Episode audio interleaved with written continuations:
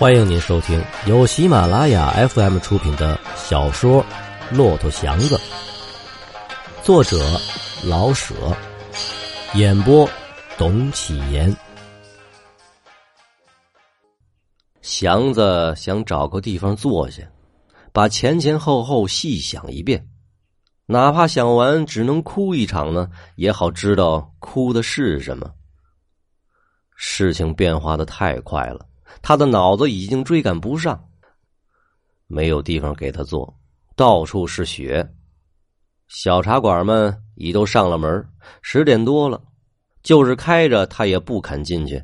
他愿意找个清静的地方，他知道自己眼眶中转着的泪随时可以落下来。既没地方坐一坐，只好慢慢的走吧。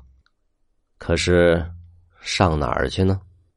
这个银白的世界没有他坐下的地方，也没有他的去处，白茫茫的一片，只有饿着肚子的小鸟与走投无路的人知道什么叫哀叹。上哪儿去呢？这就成个问题。先不用想到别的了，下小店儿不行，凭他这一身衣服就能半夜里丢失点什么。先不说店里的狮子有多么可怕，上大一点的店去不起。他手里只有五块钱，而且是他的整部财产。上澡堂子，十二点上门，不能过夜。没地方去，因为没地方去，才越觉得自己的窘迫。在城里混了这几年了，只落得一身衣服和五块钱。连被褥都混没了。有这个，他想到了明天。明天怎么办？拉车，还去拉车？哼，拉车的结果只是找不到个住处，只是剩下点钱被人家抢了去。做小买卖，只有五块钱的本钱，而连挑子扁担都得现买，何况……哪个买卖准能挣出脚骨呢？拉车可以平地弄个三毛四毛的，做小买卖既要本钱，而且没有准能挣出三餐的希望。等把本钱都吃进去，再去拉车，还不是脱了裤子放屁，白白赔上这五块钱。这五块钱不能轻易放手一分一角，这是最后的指望。当仆人去，不在行；伺候人不会，洗衣裳做饭更不会，什么也不行，什么也不会，自己只是个傻大黑粗的废物。不知不觉的，他来到了中海，在桥上左右空旷，一眼望去全是雪花。他这才似乎知道了雪还没住，摸一摸头上，毛线织的帽子上已经很湿了。桥上没人，连岗亭里的巡警也不知道躲哪儿去了。有几盏电灯被雪花打得仿佛不住的眨眼。祥子看看寺外的雪，心中茫然。他在桥上立了许久，世界像是已经死去。没一点声音，没一点动静，灰白的雪花似乎得了机会，慌乱的、轻快的，一个劲儿往下落，要人不知鬼不觉的把世界埋上。在这种寂静中，祥子听见自己良心的微语：“先不要管自己吧，还是得先回去看看曹家的人。只剩下曹太太与高妈，没一个男人。”难道那最后的五块钱不是曹先生给的吗？不敢再思索，他拔起腿就往回走，非常的快。门外有些脚印，路上有两条新印的汽车道。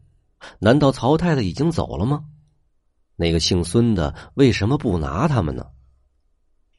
不敢过去推门，恐怕又被人捉住。左右看，没人。他的心跳起来，试试看吧，反正也无家可归，被人逮住就逮住吧。轻轻推了推门，门开着呢。顺着墙根走了两步，看见了自己屋中的灯亮着，自己的屋子，他要哭出来。弯着腰走过去，到窗外听了听，屋内咳嗽了一声，高妈的声音。他拉开了门：“谁呀？哟，你呀！哎呦，可吓死我了！”高妈捂着心口，定了定神儿，坐在了床上。祥子。怎么回事啊？祥子回答不出，只觉得已经许多年没见着了他似的，心中堵着一团热气。这这是怎么了？高妈也要哭的样子问：“你还没回来？先生打电话叫我们上左宅，还说你马上就来。你来了，不是我给你开的门吗？我一瞧你还同着个生人，我就一言没发呀。”赶紧进去帮着太太收拾东西，你始终也没进去，黑灯瞎火的叫我和太太瞎抓。少爷已经睡得香香的，生又从被窝里往外抱，包好了包又上书房去摘画。你始终是不照面啊！你你到底是怎么了？粗糙的收拾好了，我出来看你，好，你没影了。太太气的。哎，一半也是急的，直哆嗦呀！我只好打电话叫车吧，可是我们不能就这么空城计全走了，所以啊，我跟太太横打了鼻梁。我说：“太太走吧，我看着。祥子回来呢，我马上赶到左宅去；不回来呢，我认了命。”这是怎么话说的？你说，你到底是怎么回事啊？说呀，说话呀！愣着算得了事儿吗？到底是怎么回事？你走吧，祥子好容易找到了一句话：“走吧。”你看家呀，高妈的气消了点儿。见了先生，你就说侦探逮住了我，可可又可可又没没逮着我。嘿，这这像什么话呀？高妈气得几乎要笑。您听着。祥子倒挂了气，告诉先生快跑。侦探说了，准能拿住先生。左宅也不是平安的地方，快跑！你走了，我跳到王家去睡一夜。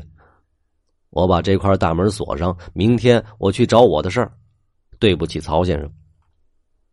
哎，越说我越糊涂了。曹妈叹了口气，哎，得了，我走。少爷也许还冻着了呢，赶紧去看看去。见了先生，我就说祥子说了，叫先生快跑。今儿个晚上，祥子锁上大门，跳到王家去睡。明天他去找事儿，是这么着不是？祥子万分惭愧的点了点头。高妈走后，祥子锁好大门，回到屋中。破闷葫芦罐还在地上扔着，他拾起块瓦片看了看，照旧扔在地上。床上的铺盖并没有动，奇怪，到底是怎么回事呢？难道孙侦探并非真的是侦探吗？不能啊！曹先生要是没看出点危险来，何至于弃家逃走？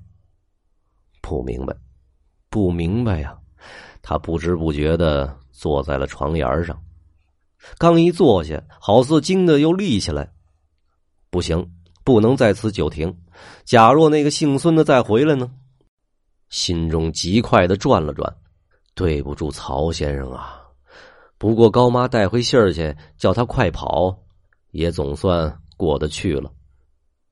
论良心，祥子并没利益其人，而且自己受着委屈，自己的钱先丢了，没法再管曹先生的。自言自语的。他这样一边叨唠，一边往起收拾铺盖，扛起铺盖，灭了灯。他奔了后院，把铺盖放下，手扒住墙头，低声的叫：“老程，老程。”老程是王家的车夫，没人答应。祥子下了决心，先跳过去再说。把铺盖扔过去，落在雪上，没什么声响，他的心跳了一阵。紧跟着又爬上墙头跳了过去，在雪地上拾起铺盖，轻轻的去找老程。他知道老程的地方。大家好像都睡了，院中一点声音也没有。祥子忽然感到做贼并不是件很难的事儿。他放了点胆子，脚踏实地的走，雪很瓷实，发着一点点声响。找到了老程的屋子，他咳嗽了一声。老程似乎是刚躺下。谁啊？我祥子，你开个门。祥子说的非常的自然柔和。好像听见了老程的声音，就像听见个亲人的安慰似的。老程开了灯，披着件破皮袄开了门。哟，怎么了，祥子？三更半夜的。祥子进去，把铺盖放在地上，就事儿坐在上面，又没了话。老程有三十多岁，脸上与身上的肉都一疙瘩一块的，硬得出棱儿平日，祥子与他并没什么交情，不过是见面点点头，说说话。有时候王太太与曹太太一同出去上街，他俩更有了在一处喝茶与休息的机会。祥子并不十分佩服老程，老程跑得很快，可是慌里慌张，而且手老拿不稳车把似的。在为人上，老程虽然怪好的。可是有了这个缺点，祥子总不能完全佩服他。今天，祥子觉得老程完全可爱了，坐在那儿说不出来什么，可是心中感激亲热。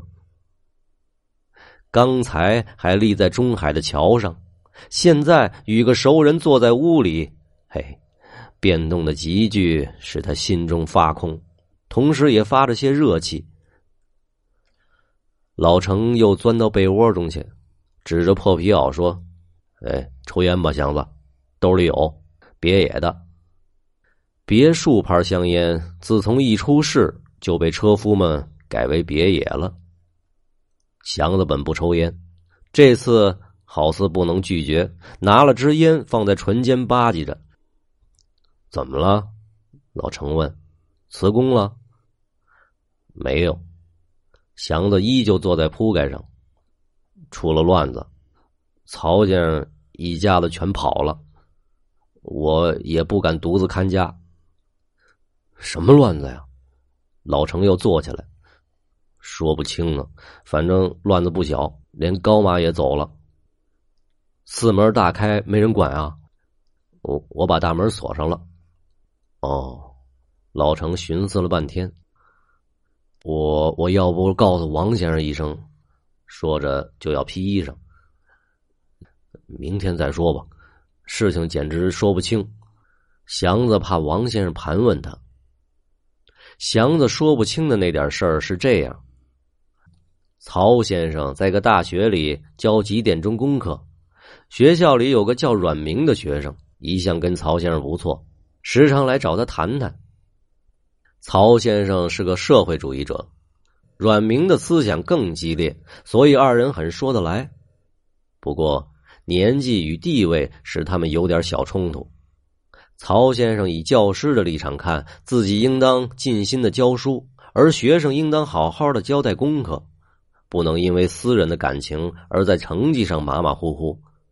在阮明看呢，在这种破乱的世界里，一个有志的青年应当做些革命的事业。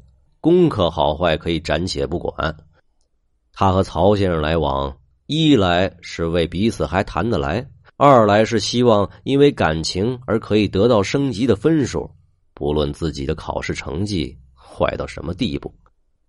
乱世的志士往往有些无赖，历史上有不少这样可原谅的例子。到考试的时候，曹先生没有给阮明及格的分数。阮明的成绩，即使曹先生给他及格，也很富裕的够上了停学。可是他特别恨曹先生，他以为曹先生不太懂面子，面子在中国是与革命有同等价值的。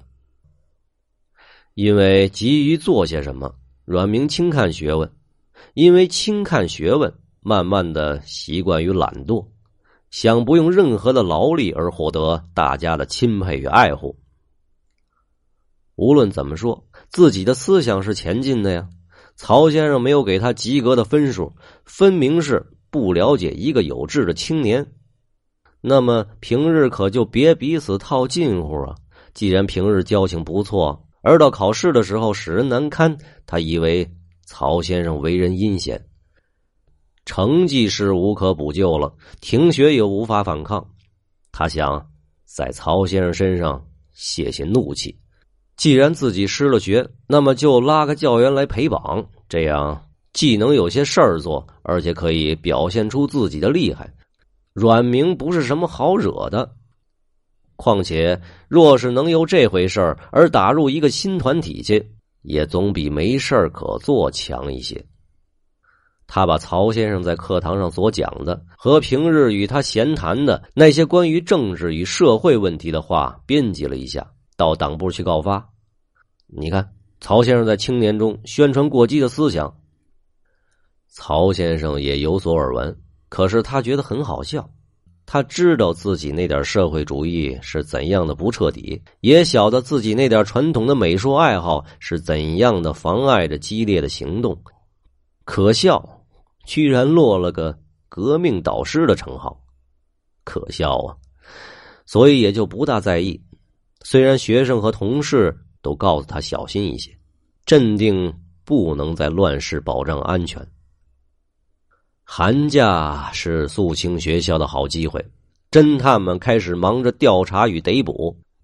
曹先生已有好几次觉得身后有人跟着，身后的人影使他由嬉笑改为严肃。他必须想一想了，伪造声誉，这是个好机会。下几天狱比放个炸弹省事儿，稳当而有同样的价值。下狱是做要人的一个资格，可是他不肯，他不肯将计就计的为自己造成虚假的名誉。凭着良心，他恨自己不能成个战士；凭着良心，他也不肯做冒牌的战士。他找了左先生去，左先生有主意。到必要的时候，你搬到我这儿来，他们还不至于搜查我来。左先生认人，人比法律更有力。你上这儿来住几天，躲避躲避，总算是我们怕了他们，然后再去疏通，也许还得花上俩钱儿，面子足，钱到手，你再回家也就没事了。孙侦探知道曹先生常上左宅去，也知道一追紧了的时候，他必定到左宅去。他们不敢得罪左先生，而得吓唬吓唬曹先生，多咱把他赶到左宅去，他们才有拿钱的希望，而且很够面子。敲祥子并不在侦探们的计划内，不过既然看见了，顺带手的活何必不先十个十头八块的呢？对了，祥子是遇到点上了，活该。谁都有办法，哪里都有缝子，只有祥子跑不了，因为他是个拉车的。一个拉车的吞的是粗粮，冒出来的是血。他要卖最大的力气，得最低的报酬，要立在人间的最低处，等着一切人、一切法、一切困苦的击打。把一支烟烧完。祥子还是想不出道理来，他像被厨子提在手中的鸡，只知道缓一口气就好，没有别的主意。他很愿意和老程谈一谈，可是没话可说，他的话不够表现他的心思。他领略了一切苦处，但张不开口，像个哑巴。买车，车丢了；省钱，钱没了。自己一切的努力，只为别人来欺负，谁也不敢招惹，连条野狗都得躲着。临完还是被人欺负的，出不来气。